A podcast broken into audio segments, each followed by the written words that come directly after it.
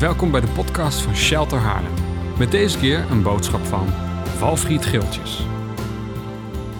Ik wil wat delen over, eh, vanmorgen over het boek Openbaring. Eh, voordat ik dat ga doen, wil ik even terugkijken naar de afgelopen week. Dus ik heb ehm, eh, Wesley net ook al even gehoord. Hij zei gisteren over de kledingbank. Hoe geweldig is dat dat er een kledingbank is, dat er 200 gezinnen bemoedigd zijn. En, maar er gebeuren zulke mooie dingen. Ik kan me herinneren, vorige week was ehm, Desmond en Ellen, die hebben een, eh, een, een stichting. Ze zijn actief in eh, Indonesië, in een eh, weeshuis. En ze hadden vorige week hadden zij een, een benefiet diner. Eh, met 48 mensen, ook in, ook in dit gebouw. En 48 mensen, ze hebben daarin met elkaar echt een aantal flink bedrag, een aantal duizend euro opgehaald. eh, om gewoon te kunnen investeren en tot zegen te kunnen zijn in dat weeshuis in Indonesië. En dat vind ik fantastisch om te, om te horen. Gisteravond hadden we, eh, was ik bij, eh, bij Piet en Ina van Walsum. eh, de geboorte van een, een nieuwe eh, nou, stichting, nieuwe beweging, de Red Chair Movement. En daar ga je vast nog wel meer over horen. Maar waar het eigenlijk over gaat, het is een beweging van discipelschap. Van opnieuw ontdekken wat betekent het om kerk te zijn. Ehm, en, en, en weet je, dan kom ik thuis en denk van, heer, wat, wat, wat, wat zijn we een fantastische kerk. Wat zijn we een heerlijke gemeente met elkaar. En wat, wat ben ik dankbaar eh, om eh, leider te mogen zijn van een kerk waar zoveel initiatieven zijn. Eh, mensen die gewoon zeggen, hé, hey, maar ik wil gewoon de gaven die ik heb gekregen, het talent wat ik heb gekregen, wil ik inzetten om tot zegen te zijn voor anderen. Er gebeuren zulke mooie dingen. En dan is het heerlijk om af en toe even kort iets te delen over wat God, over wat God doet. Ehm, goed, ja, openbaring. Ehm, dat is geen eh, luchtig onderwerp. en eh, dat merkte ik de eerste diensten ook wel. Ehm, eh, openbaring is misschien wel het boek waar het meest over gesproken wordt en wat misschien wel het minst gelezen wordt. Ehm, omdat het gewoon best ingewikkeld is. Het is gewoon een, best, ook best wel een beetje een raar boek van wat moeten we daar nou eigenlijk mee. Het is een ingewikkeld boek. Ehm, en, en vanmorgen wil ik, wil ik het vooral hebben over, oké, hoe, hoe lezen we nou zo'n boek als openbaring? Dus ik, ik wil niet heel veel tijd besteden aan eh, allerlei dingen uitleggen of over hoe ik, eh, hoe ik dingen zie. Maar ik, wil je eigenlijk meenemen in, oké, er zijn een aantal spelregels die je moet kennen om openbaring goed te kunnen lezen en te kunnen interpreteren. En ik kan je, eh, ik, mijn verwachting is ook, en ik, ik kan me ook voorstellen dat, dat er mensen zijn vanmorgen, of ook als je meekijkt, dat je denkt, ah, dit is geweldig, maar misschien vind je het, ga je het niet geweldig vinden. Omdat, er, omdat ik dingen zal zeggen die misschien wel ingaan tegen hoe je altijd eh, gekeken hebt tegen het boek Openbaring. Eh, dat je het op een bepaalde manier gelezen hebt en, en nu komt opeens iets, iets heel anders komt er binnen. En dat, dat maakt je altijd een beetje onrustig. Ik herken dat proces. Ik heb een jaar of acht, negen geleden eh, ben ik voor het eerst gewoon eens dingen gaan lezen over, over het boek Openbaring. Die anders was dan dat ik als kind in, in mijn tienertijd mee heb gekregen. En ik kan me nog herinneren dat ik op een gegeven moment, ik zat aan mijn, aan mijn bureau boven op zolder. En ik, eh, ik had een, een, stuk uit een boek gelezen. En ik had letterlijk dat boek had ik zo happakee in de hoek gegooid. En ik denk, wat is nou waar, weet je wel? Wat is nou waar? Het was echt een, een zoektocht. En, en dan, hè, dat boek, dat, na drie maanden heb ik het stoffen weer afgehaald. En ik, ja, ik ga toch maar nog eens even lezen. Het is een, een proces van lezen, ontdekken, gefrustreerd zijn. Maar de reden waarom ik het eh, wil delen, het is eigenlijk al best wel een tijdje op mijn hart om, om daar gewoon iets over te zeggen. En ik denk dat vanmorgen een goed, eh, een goed moment is. Ehm, dat is als ik nu kijk naar de afgelopen jaren, dan, merk ik gewoon dat, dat het me zoveel vrijheid en zoveel lucht en, en blijdschap geeft over het boek Openbaring. Het is een boek van hoop. Het is een boek van, eh, van toekomstperspectief, van, van aanmoediging. En, en er zitten zulke mooie, mooie, mooie dingen in. Ehm, en, en weet je, dus ik wil je gewoon meenemen in, een, in, in dat verhaal. Ik wil je wat handvatten geven, wat ehm, spelregels, zeggen van oké, hoe lees je nou eigenlijk dat boek? Wat, het eerste wat we moeten weten, is dat we allemaal, ook jij, ehm, ik ook, dat we een filter hebben. We, hebben. we hebben een filter hoe wij de Bijbel lezen en interpreteren. Allemaal. Dat kan ook niet anders, want je hebt dat filter heb je ook nodig om de Bijbel te kunnen begrijpen. Eh, mensen die zeggen dat de Bijbel voor zich spreekt, hè, dus dat het geen uitleg behoeft, zeg maar. Sorry, maar ik, ik geloof ze niet. Want het, het is namelijk ook niet waar. Pak een willekeurige tekst en je interpreteert hem door het filter wat je hebt. Eh, en dat, dat doen we allemaal. Je kunt niet zonder dat filter, want je hebt dat filter juist nodig om Bijbelteksten te kunnen begrijpen. Ehm, dus het hebben van een filter, dat is helemaal geen probleem. Dat is niet zo gek. Nou, wat voor filters ehm, zijn er zoal? Nou, ik heb er vier ehm, heb ik er gevonden. Vier, die zal ik er kort, kort behandelen. En er zijn er misschien meer, maar, maar dit zijn de vier, waar ik wat aandacht aan wil geven. Um, zo, ik, ik, richt me vooral zeg maar, op het boek Openbaring. Uh, als je kijkt naar het boek Openbaring, dan kunnen we een futuristisch filter hebben. Nou, mensen die een futuristisch filter hebben, uh, die lezen eigenlijk alles wat in Openbaring staat als iets wat gaat gebeuren in onze tijd of in de toekomst. Um, Oké, dus dat is hoe zij Openbaring lezen. Een ander filter zijn ook mensen die een idealist, idealistisch filter hebben.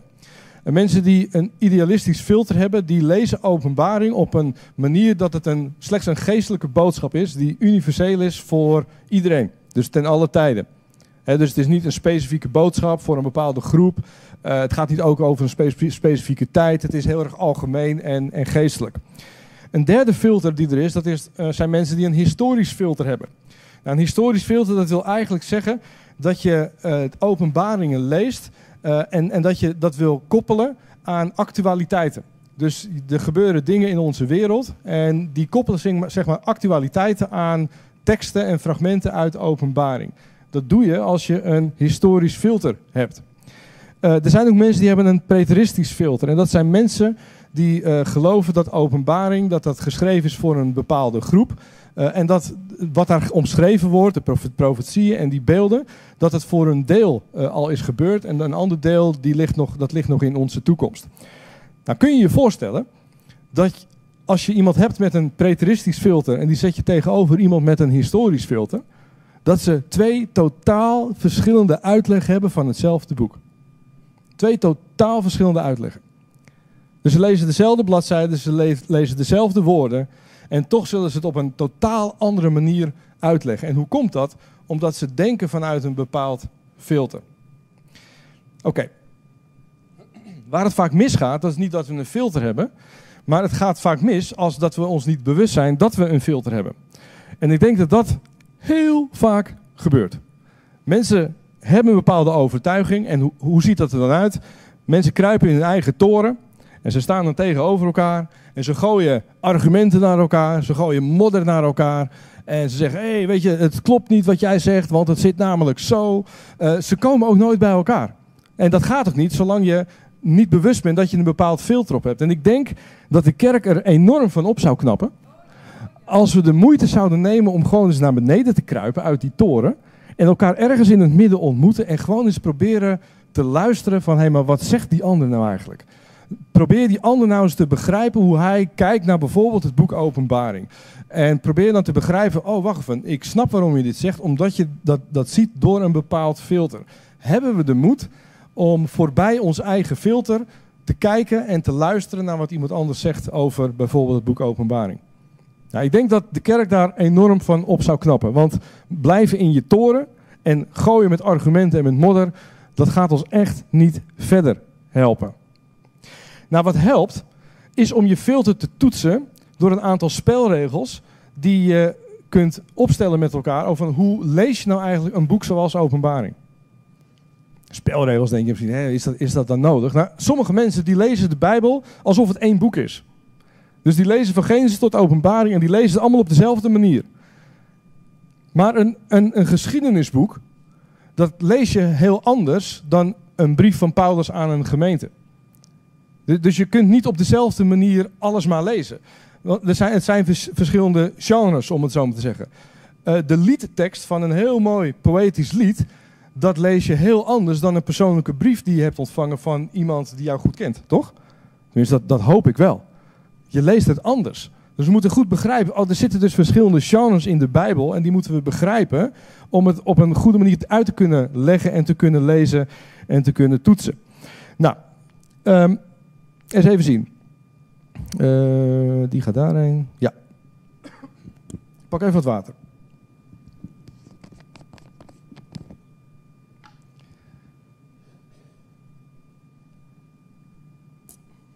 Oké, laten we eens kijken naar het boek Openbaring. Uh, Johannes is degene die dat boek heeft geschreven. Hij heeft een openbaring ontvangen. En hij, hij schrijft daarover. Ergens op Patmos in het jaar 60, 65 na Christus. Nou, hij gebruikt daarvoor een deel apocalyptische taal. Een stijl. Wat vol staat van symbolen, van figuren, van, van, van getallen. Uh, een hele beeldige manier zeg maar, om dingen te omschrijven. Um, wat we goed moeten weten is dat er, er zijn theologen die zeggen dat ongeveer 70% van wat Johannes omschrijft in het boek Openbaringen, dat je dat terug kunt vinden aan, in, in, in het Oude Testament. Dus er liggen overal linkjes en verbanden van wat Johannes schrijft in Openbaringen naar het Oude Testament. Nou, voor ons zijn ze niet altijd zichtbaar. Of het 70% is of meer of minder, dat maakt me eigenlijk ook niet zoveel uit. Maar één ding weet ik wel, dat de mensen die het lazen uh, in de eerste eeuw, die snapten dat. Die, die zagen verbanden tussen wat Johannes zei en wat er eerder was geschreven in het Oude Testament. Hun, hun, hun Bijbel, zeg maar. Dus dat, dat is goed om even in ons achterhoofd te houden. Maar wat openbaring zo ingewikkeld maakt, is dat het een genre is wat een stijl is wat wij niet kennen. En, en, niet alleen dat, het is ook een genre wat op zichzelf staat. Er is geen enkel ander document in de Bijbel, maar ook niet buiten de Bijbel, dat is zoals openbaring. En dat maakt het ingewikkeld. Het is namelijk een, een combinatie van drie verschillende stijlen. Het is een, een combinatie van, van drie verschillende schrijfstijlen en, en genres. En dat betekent dus dat we dat wel helder moeten hebben, anders weet je niet hoe je, dat, hoe je openbaring kunt lezen. Nou, op de eerste plaats is openbaring een brief. Die is makkelijk. Het is een brief. Als je goed kijkt in de eerste hoofdstukken van openbaring, dan zie je ook dat Johannes aan het schrijven is naar wie? Naar zeven verschillende gemeentes. Hij schrijft aan zeven kerken. En hij noemt die ook bij naam. En voor elke kerk en gemeente eh, heeft hij een bepaalde boodschap. Hij, hij schrijft voor een bepaald publiek. Dus hij, hij, stuurt ook inderdaad wat hij opschrijft uh, naar de geadresseerden, naar die zeven gemeentes toe. Dus op de eerste plaats is het een brief. En het, het, het, kenmerk van een brief is, is dat het situationeel is. En dat betekent dat het gaat over een situatie voor degene die de brief ontvangt. Als ik Adriaan, die zit hier, een brief stuur, dan staan daar allerlei dingen in die van toepassing zijn in de relatie die ik heb met Adriaan. En die gaan over het leven van Adriaan. Als iemand anders dat leest, dan kun je denken, oh, mooie brief. Maar uh, de, de specifieke dingen die daarin staan, die gaan die gelden voor Adriaan. Het is een brief die gericht is naar hem. Dat is het kenmerk van een brief. Het is situationeel. Nou, dat moeten we even onthouden. Uh, het is niet alleen een brief, het is ook een profetie. Hoofdstuk 1, vers 3 geeft heel duidelijk aan, het is een profetie. En die profetie, dat is namelijk niet alleen iets voor de toekomst. Het laat ook zien hoe God wil dat dingen gaan in de dagen van Johannes. Nou, waarom weet ik dat? Want als je kijkt naar hoofdstuk 22, vers 10, daar krijgt Johannes de opdracht om de profetie die hij heeft ontvangen, om die open te houden en niet geheim te houden. Met andere woorden, hij ontvangt iets, hij stuurt het naar zeven gemeenten en zegt, hou het niet geheim, hou het open. Oftewel, de profetische boodschap die daarin zit, die is dus relevant voor degene die het ontvangen. Ja? Want anders had hij het wel gesloten kunnen houden. Hij moet het open houden, het moet geen geheim zijn. Dus die boodschap die erin zit, die is relevant voor de ontvangers van deze prachtige brief slash profetie. Nou, het is nog iets meer. Het is ook een, een apocalyptische boodschap. Het is een apocalyptisch boek. Nou, apocalyptisch, dat was een, een literatuurstijl in de Joodse uh, oudheid die bekend was. Zij wisten hoe ze daarna moesten luisteren. Zij wisten hoe ze dat moesten lezen. Het staat vol met symboliek, met getallen, met beelden, met visioenen, het is een, een soort abstract schilderij wat geschetst wordt um, met heel veel plaatjes en beelden. Nou, wij zijn niet zo bekend met apocalyptische stijl. Dat kennen we eigenlijk niet. Maar we hebben er wel wat van gemaakt. Komt-ie. Dit is wat we ervan hebben gemaakt. Als je op Google intypt apocalyps, dan is dit wat je krijgt. Vernietiging. Einde van de wereld. Verwoesting. We zien de restanten van Washington, de restanten van Parijs en de restanten van iets anders. maar we zien verwoesting. Dat, is, dat is wat wij in het algemeen denken als we het hebben over apocalyps. En dat is dus ook het beeld wat wij hebben als we een apocalyptische brief zoals openbaringen lezen. Dit zit in ons denken als we het lezen. Dat is ook niet zo vreemd, want als je kijkt naar de apocalyptische stijl en naar de voorbeelden die Johannes schrijft, ja, dan, dan, dan, dan is het ook wel logisch dat, het, dat we zo'n beeld creëren. Denk eens bijvoorbeeld aan hoofdstuk 9, vers 10, waar staat dat sprinkhanen die lijken op paarden met een gezicht als van een mens. Ja, dat is wel gruwelijk, toch? Of 12 vers 1, een vrouw die bekleed is met de zon. Of 13 vers 1, een beest met tien horens en zeven koppen. Ja, daar krijg je wel de bibbers van. Dat, dat kan niet iets positiefs zijn, onmogelijk. Maar met name de Joden in de tijd van Johannes en van Jezus, die zagen dit heel anders. Die hadden een heel ander beeld bij een apocalyptische stijl. Dus wat zij, wat zij begrepen is dat uh, apocalyptisch, dat is eigenlijk een, een, een geestelijke boodschap uh, die goddelijk geïnspireerd is. Een hemelse boodschap die gegeven werd aan een persoon die goed bekend stond, zoals Ezekiel en Daniel en, en Johannes in dit, in dit voorbeeld. Het was een boodschap van beeldspraak, van symbolen en van getallen. Het was een soort geestelijk abstract schilderij. En eigenlijk wat een apocalyptische boodschap is, is dat het een geestelijke omschrijving is van wat er in het natuurlijke gebeurde. Dus er gebeurde iets verschrikkelijks. Vaak is het ook zo dat een apocalyptische boodschap ook ontstond in een periode van verdrukking en van moeilijkheid.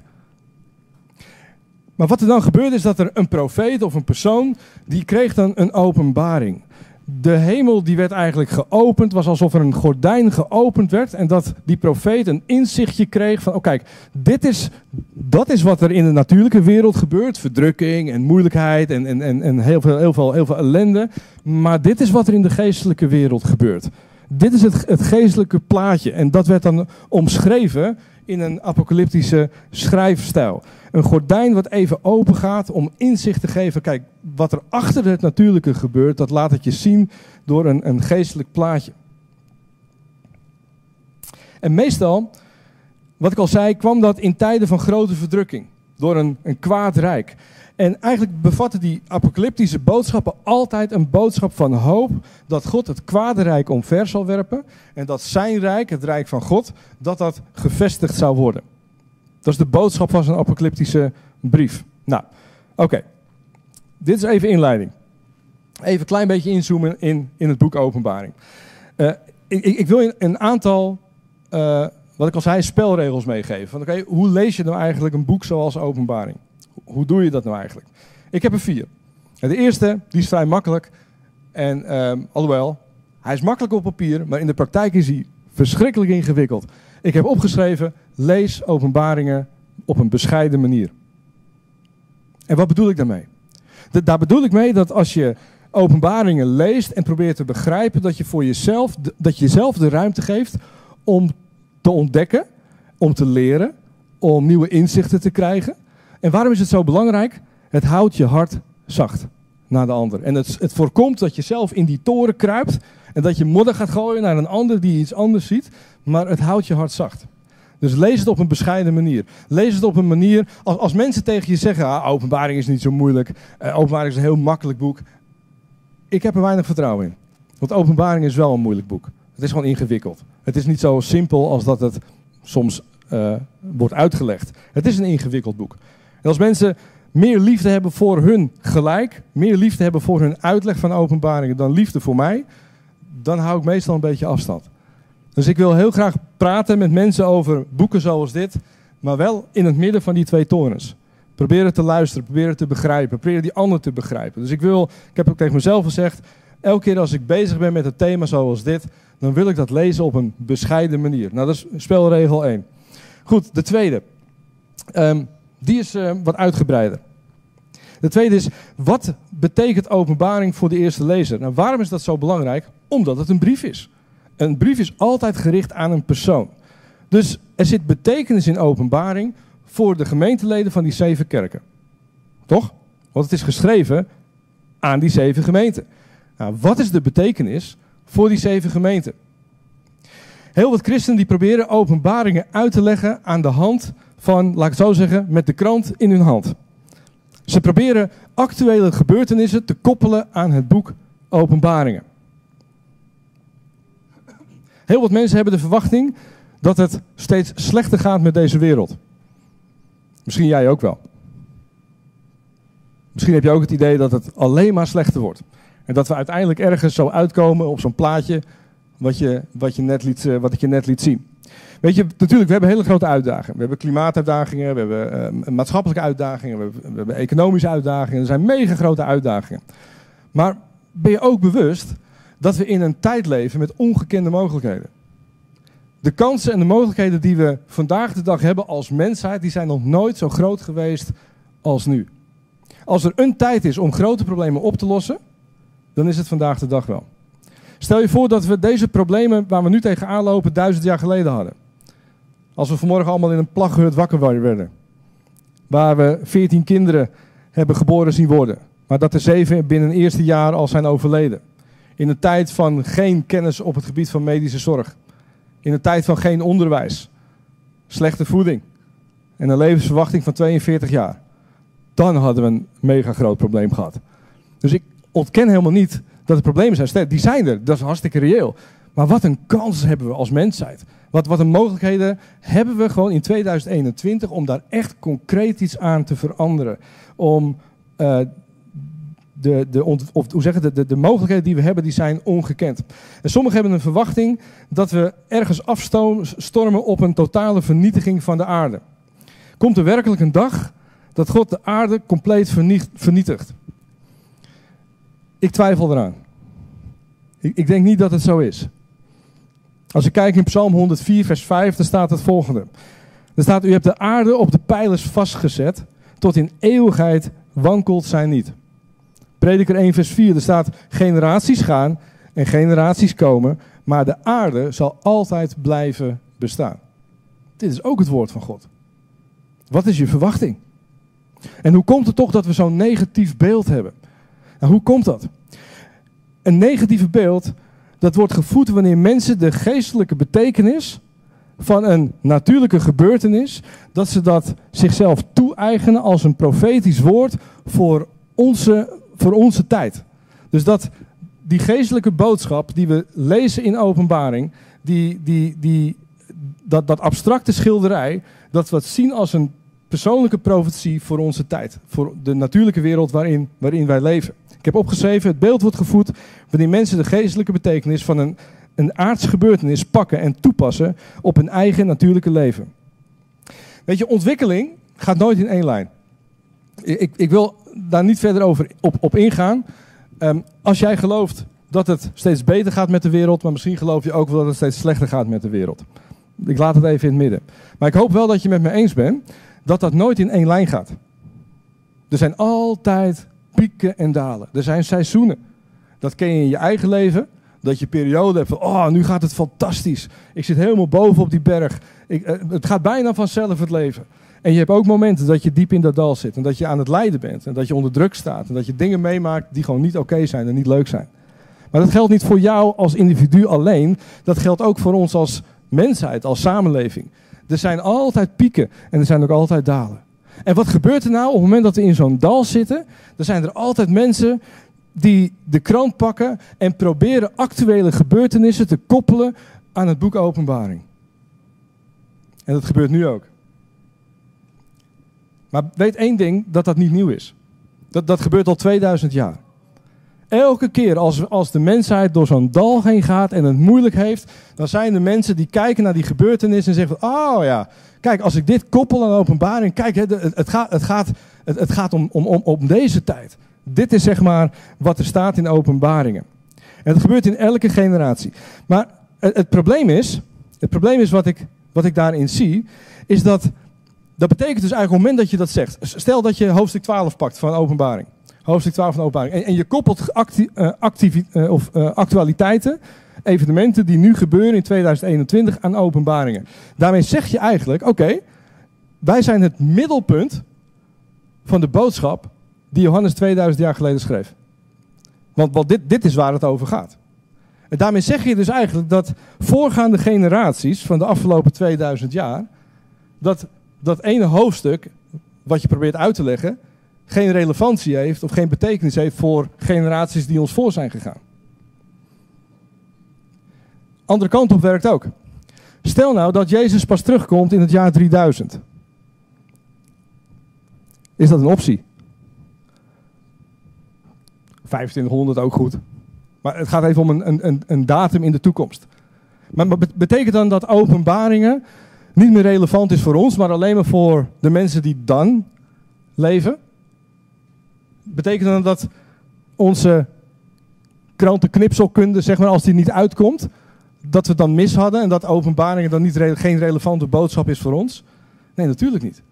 Oh, ik geloof dat openbaring heeft een relevante boodschap voor alle generaties. Voor de mensen die het in de eerste instantie lazen, deel van die zeven gemeentes. Het was relevant voor Corrie ten Boom in de tijd van oorlog. Dat zij onder mega verdrukkingen probeerden de hoop vast te houden. De boodschap is relevant voor ons en de boodschap is relevant voor onze kinderen en voor onze kleinkinderen tot de dag dat Jezus weer terugkomt. Openbaring was en is en zal altijd een boodschap van hoop zijn. Weet je, wanneer je iemands uitleg hoort geven met krantenknipsels volgens de krantenknipselmethode, weet dan dat die persoon bewust betekenis geeft aan openbaringen die Johannes en die de Heilige Geest er niet in hebben gelegd. En de vraag is, wil je daar naar luisteren?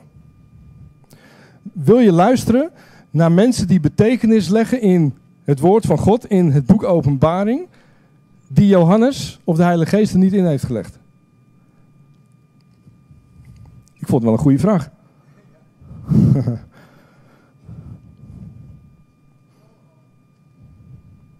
Beter zou zijn om je af te vragen, maar wat betekent die boodschap nou voor de mensen uit die zeven gemeenten? Het lijkt me een goed begin. Probeer eens te begrijpen, wat betekent het nou eigenlijk in de eerste plaats voor hun?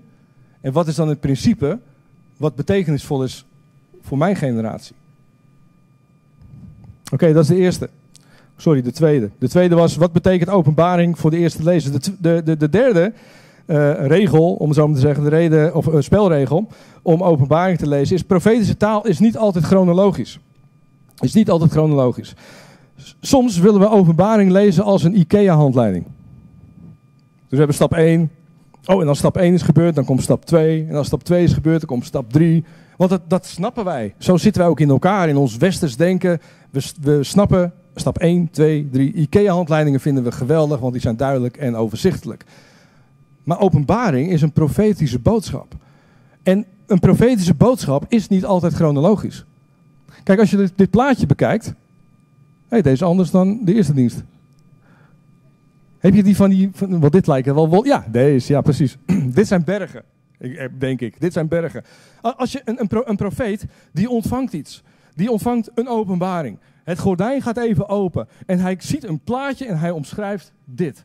En hij omschrijft, oh, ik zie bergen in verschillende kleuren, en zwart en blauw en groen. En, hij omschrijft het, een prachtig mooi beeld vormt hij. Beeldspraak. Maar wat hij niet ziet, het is een 2D-plaatje, wat hij niet ziet, is de afstand tussen de bergen onderling. Dus, dus hij ziet niet hoe groot het dal is tussen berg 4 en 5. Misschien zit daar wel 10 kilometer tussen. Maar dat ziet hij niet. Hij ziet alleen en hij schetst alleen maar het plaatje. En dat geldt met openbaar, of dat geldt met profetische taal ook zo. Een profeet die spreekt en die ziet een beeld en die vertelt wat hij ziet. Hij omschrijft met woorden wat hij ziet, maar hij ziet niet altijd wat de tijd is die tussen die verschillende bergen of activiteiten in zit. Hij, hij maakt daar een 2D-plaatje van. Dus we gaan de mist in als we openbaringen lezen als een chronologisch boek, een IKEA-handleiding van stap 1 naar stap 2, stap 3, stap 4 en stap 5.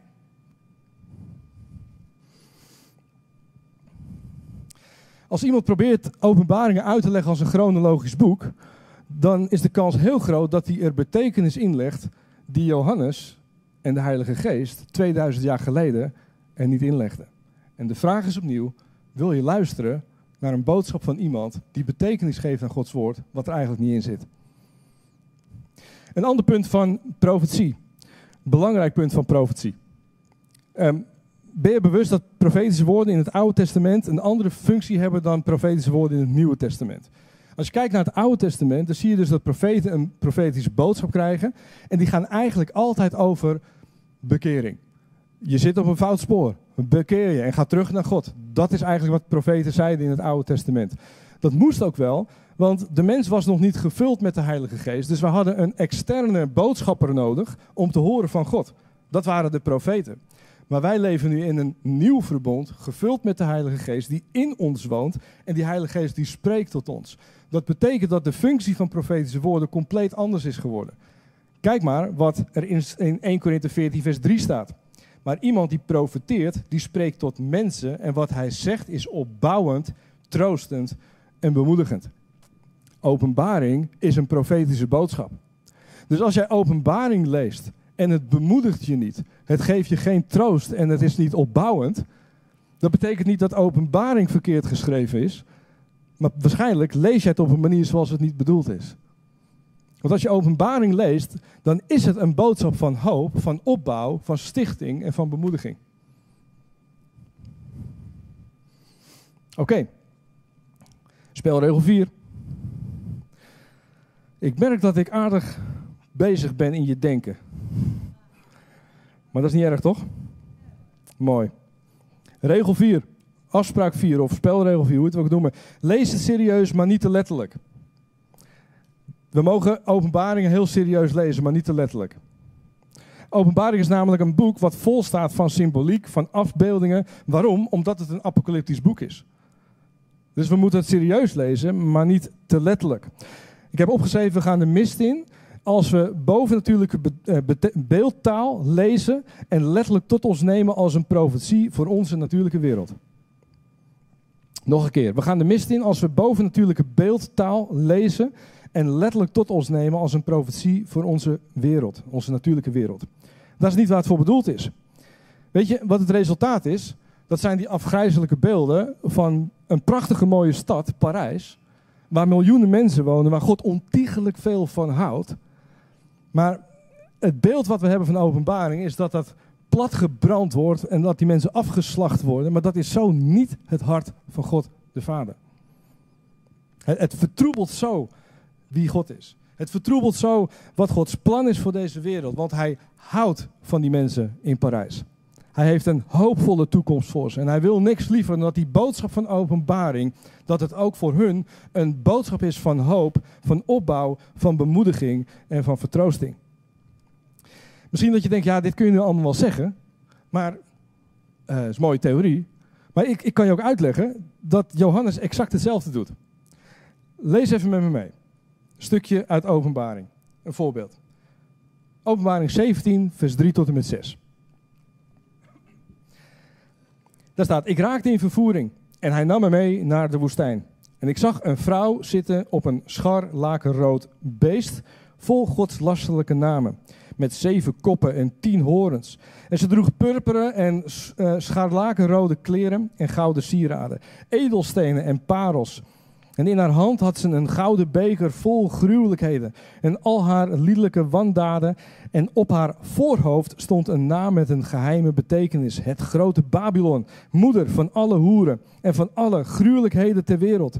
En ik zag dat de vrouw dronken was van het bloed van de heiligen en het bloed van hen die van Jezus hadden getuigd. Ik was ontzet toen ik haar zag. Ja, dat begrijp ik wel. Dat je ontzet bent als je dat ziet, toch?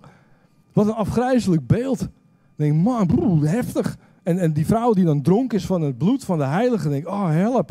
Wat, wat, een, wat, wat, een, wat een enge toestand. En als je, als je dit geestelijke beeld, dit, dit plaatje zeg maar, wat geschetst wordt, als je dat op jezelf betrekt en toepast als een profetisch woord voor mijn natuurlijke toekomst, dan is de uitkomst namelijk een Parijs of een andere wereldstad die in de as gebrand wordt. Ja, want het bloed van de heilige, dat zal gedronken worden en we zullen ten onder gaan en wat een ellende allemaal. Maar let op, Johannes geeft ons zelf het voorbeeld van hoe moeten we nou eigenlijk omgaan met zo'n plaatje zoals deze. Vers 9, hij zegt, uh, hij geeft ons eigenlijk een klein beetje een, een hint. Hij geeft ons een hint van, oké, hoe moet je nou dit beeld wat ik je net geschetst heb, hoe moet je dat nou eigenlijk lezen? En hij zegt in vers 9, de zeven koppen zijn zeven heuvels waar de vrouw op zit. Oh, oké. Dat is interessant. Dus, dus, dus Johannes die omschrijft zeven koppen. En, maar hij bedoelt eigenlijk zeven heuvels. Nou, dat, dat maakt, al, maakt het al iets natuurlijker, zeg maar. Zeven koppen of zeven heuvels. Maar dan nog moeten we het niet te letterlijk nemen. We moeten het wel serieus nemen, maar niet te letterlijk. Want als we het serieus nemen, dan heeft Johannes hier over een hele grote vrouw. Of over zeven hele kleine heuvels. Maar Johannes bedoelt iets anders. En als je het verhaal doorleest, dan, dan, dan zie je dat Johannes het heeft over die vrouw, wat een stad is. Dus hij heeft het over een stad die zit op zeven heuvels. En, en de lezers, de ontvangers van deze brief, de ontvangers van deze apocalyptische profetie, die lazen dat en die snapten direct wat Johannes bedoelde. En zij snapten direct dat Johannes sprak over de stad Rome, die gebouwd is op zeven heuvels. Maar we gaan volledig de mist in als we met de krant in onze hand, als we proberen gebeurtenissen die vandaag gebeuren te koppelen aan dat geestelijke plaatje wat Johannes 2000 jaar geleden schetste over een hele moeilijke, lastige periode van het Joodse volk, van die gemeenteleden die leden onder het keizerrijk van Rome. En dit is een voorbeeld. Een voorbeeld. Oké. Wanneer iemand de symbolen letterlijk probeert uit te leggen aan de hand van actualiteiten, dan is de kans groot dat hij betekenis geeft aan openbaring die Johannes of de Heilige Geest er niet in hebben gelegd. En opnieuw de vraag: wil je luisteren naar een boodschap van iemand die betekenis ligt in het woord van God, wat er eigenlijk niet in zit? Maar wat is dan wel het centrale thema? Wat is nou, waar gaat openbaring nou eigenlijk over? En waarom is het dan relevant voor ons? Is het dan alleen maar over, gaat het alleen maar over hun? Nee, het is ook voor ons een profetische boodschap. Het is voor ons ook een boodschap van hoop. Er zit een betekenis in. Wat ik net al zei, Johannes die schrijft in de eerste plaats naar zeven gemeenten. En als je goed kijkt, dan schrijft hij naar die zeven gemeenten. En aan het einde van elke, elk stukje, want het is best een pittige boodschap wat hij schrijft aan die gemeente. Eigenlijk zegt hij ook, joh, als je Jezus volgt, ja, hou er rekening mee dat je, dat je vervolging mee kunt maken. Dat is eigenlijk ook, dat is ook de boodschap van de openbaring. Maar dat is niet alles. Maar hij zegt dan elke keer weer opnieuw, aan het einde van die reeks, dan zegt hij, wanneer je overwint. Dat is wat Johannes zegt. Wanneer je overwint. Met andere woorden, wanneer je vasthoudt aan de boodschap van het evangelie wat Jezus heeft gebracht. Het evangelie van het koninkrijk. Als je overwint, als je vasthoudt, als je vasthoudt aan het verlossende werk van Jezus, dan, ontvangt, dan, dan ontvang je een beloning. Dan ontvang je een beloning. Je, moet je voorstellen dat, dat de Joden uit die zeven gemeenten, die werden onderdrukt door een keizerrijk. En die, die verdrukking was zo groot dat ze op het punt stonden van oké, is het eigenlijk allemaal wel de moeite waard? Is het echt de moeite waard om Jezus te volgen? Hebben we niet gewoon in iets geloofd dat misschien niet waar was? Want kijk eens hoe klein we zijn. Kijk, kijk eens hoe verdrukt we worden. En er waren Joden in die tijd die eigenlijk weer teruggingen naar het Judaïsme. En dat was een beweging die de Romeinen totaal geen probleem vonden. Want ze vonden het heerlijk. Ze, prima dat je een, een, een godsdienst hebt. Het is prima dat je gewoon teruggaat naar het Judaïsme. Zolang je die Jezus maar niet volgt. En Johannes die schrijft die brief. Joh, ik zie het lijden wat jullie meemaken. Ik zie de onderdrukking. Ik, ik, ik, ik weet hoe erg jullie lijden onder het Romeinse Rijk. Maar hou vol. Hou vol. Hou vast aan die boodschap van Jezus. Want er komt een beloning, gevolgd door een beloning. Dat is ook inderdaad wat hij erachter zet. En het mooie is dat deze boodschap van volharding en van overwinning, dat dat terugkomt op verschillende plekken. In het midden van het boek, op hoofdstuk 12, vers 11, daar staat, zij hebben hem, Satan is dat, dankzij het bloed van het lam en dankzij hun getuigenis overwonnen. En helemaal aan het eind wordt het opnieuw herhaald. Hoofdstuk 21, vers 7. Wie overwint, komen al deze dingen toe. Ik zal zijn God zijn en hij zal mijn kind zijn. Het centrale thema is overwinning voor degenen die volharden en zich vasthouden aan het evangelie van Jezus. En Daniel Hees die omschrijft het op een mooie manier. Hij zegt: Openbaring biedt christenen een reeks profetische beelden om hun denken te zuiveren van heidense invloeden op de wereld en deze te herstellen met een zicht op wat echt is en hoe deze wereld op een dag onder Gods heerschappij zal zijn. En dat is gelijk ook het profetische boodschap voor ons. Er komt een dag dat Jezus terugkomt, dat alles onderworpen zal zijn onder zijn heerschappij. Die dag die ligt voor ons. Wat een prachtige boodschap is dat. Openbaring geeft een inkijkje in wat er achter de schermen gebeurde. En dat die verschrikkelijke, verschrikkende Romeinse grootmacht, dat in werkelijkheid een valse leugenaar was, die op een dag overwonnen zou worden door Jezus het Lam. Ik kwam een stukje tegen van Will Durant. Hij is historicus en hij schrijft een heel mooi stukje zeg maar, over die tijd. En hij zegt, geen grote drama. Hij heeft het zeg maar, over de mensen, over de christenen in de eerste eeuw. Hij zegt, geen grote drama is de menselijke geschiedenis dan die van een klein aantal christenen. Geminacht, onderdrukt door opeenvolgende keizers. En alle beproevingen dragend met kracht en hardnekkigheid. Stilletjes vermenigvuldigend, orde scheppend terwijl hun vijanden chaos creëerden. Zij streden tegen het kwaad met het woord, beestachtigheid met hoop. En uiteindelijk overwinnend de krachtigste staat die de wereld ooit gekend heeft. Het was Caesar tegen Christus die elkaar ontmoetten in de arena en Christus overwon. Wat een hoopvolle boodschap. Weet je, hoe groot jouw Caesar ook is, Jezus zal overwinnen. Hoe groot de verschrikkingen ook zijn. Als ik, als ik me voorstel, als ik me enigszins voor kan stellen hoe het voor mensen zoals een Corrie Boom was om te leven in 40, 45. Als er een tijd was, toch lieve mensen, als er een tijd was in onze geschiedenis dat we dachten, ja, maar nu is het einde wel nabij. Dan was het toch zeker wel die tijd. En ook in die tijd is openbaring een boodschap van hoop. Hoe groot jouw Caesar ook is. Maar hou vol, lieve Corrie. Hou vol, hou vol. Hou vast aan het evangelie van Jezus. Want er komt een dag, Jezus zal overwinnen. En ook vandaag zegt hij dat tegen jou. Wat jouw Caesar ook is. Hoe groot jouw vijand ook is. Wat je ook meemaakt. Maar de boodschap van openbaring. Hou vol. Overwin. Hou je vast aan het prachtige evangelie van Jezus. Want hij zal de koninkrijken van de, van de wereld zal die overwinnen. En zijn koninkrijk van liefde, dat zal gevestigd worden.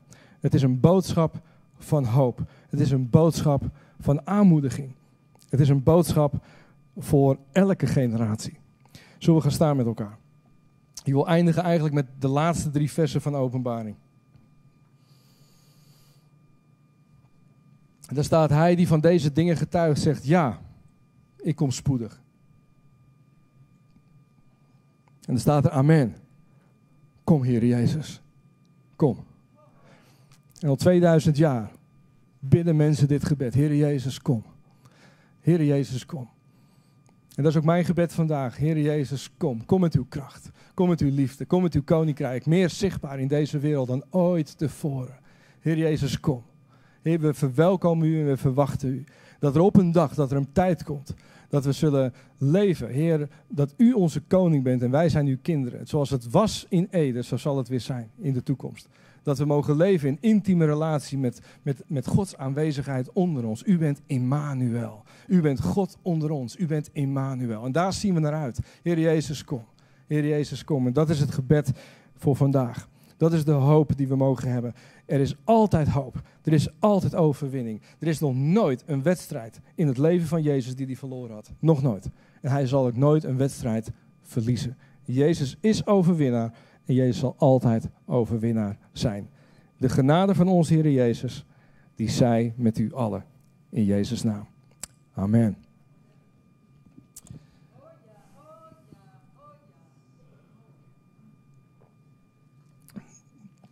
Misschien dat je, dat je um, ik, ik weet niet hoe je hier nu zit.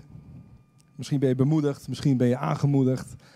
Misschien dat je denkt, oh help, er gaat van alles gaande in me denken. Ik snap het.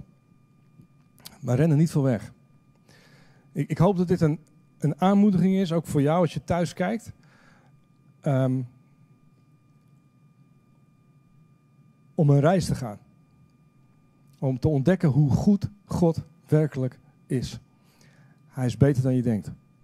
Weet je, en ik zou je aan willen moedigen om, dat is niet zoals je thuis bent, maar als je hier bent, om straks eens bij die boekentafel te kijken en, en neem gewoon eens een boek mee. En neem jezelf, geef jezelf de tijd uh, om nieuwe dingen te ontdekken. Om, om, filters die je misschien jarenlang hebt opgebouwd. Weet je, ik, ik, ik weet hoe het is door een film zoals Left Behind. Uh, zoals boeken zoals Wake Up. De laatste bazuin. Het heeft ons denken echt zo enorm beïnvloed. Het heeft een, een beeld gegeven van openbaringen van de toekomst die voor ons ligt, die zo vernietigend is. Maar de vraag is, was het wel waar? Ga op onderzoek uit. En heb de moed en de durf om je denken te vernieuwen. En je opnieuw te laten inspireren van Heer, ik wil, ik wil ontdekken hoe goed u bent en hoe u kijkt naar onze toekomst. Ik wil die boodschap van hoop, als ik, als ik openbaringen lees, dat ik geraakt word door uw boodschap van hoop en van liefde. Dat een, een profetisch woord is, wat stichtend is, wat vertroostend is en wat je opbouwt. En daar zegen ik je mee. In Jezus' naam. Amen. Dank voor het luisteren naar onze wekelijkse podcast. De missie van Shelter is Gods Koninkrijk zichtbaar maken in onze wereld.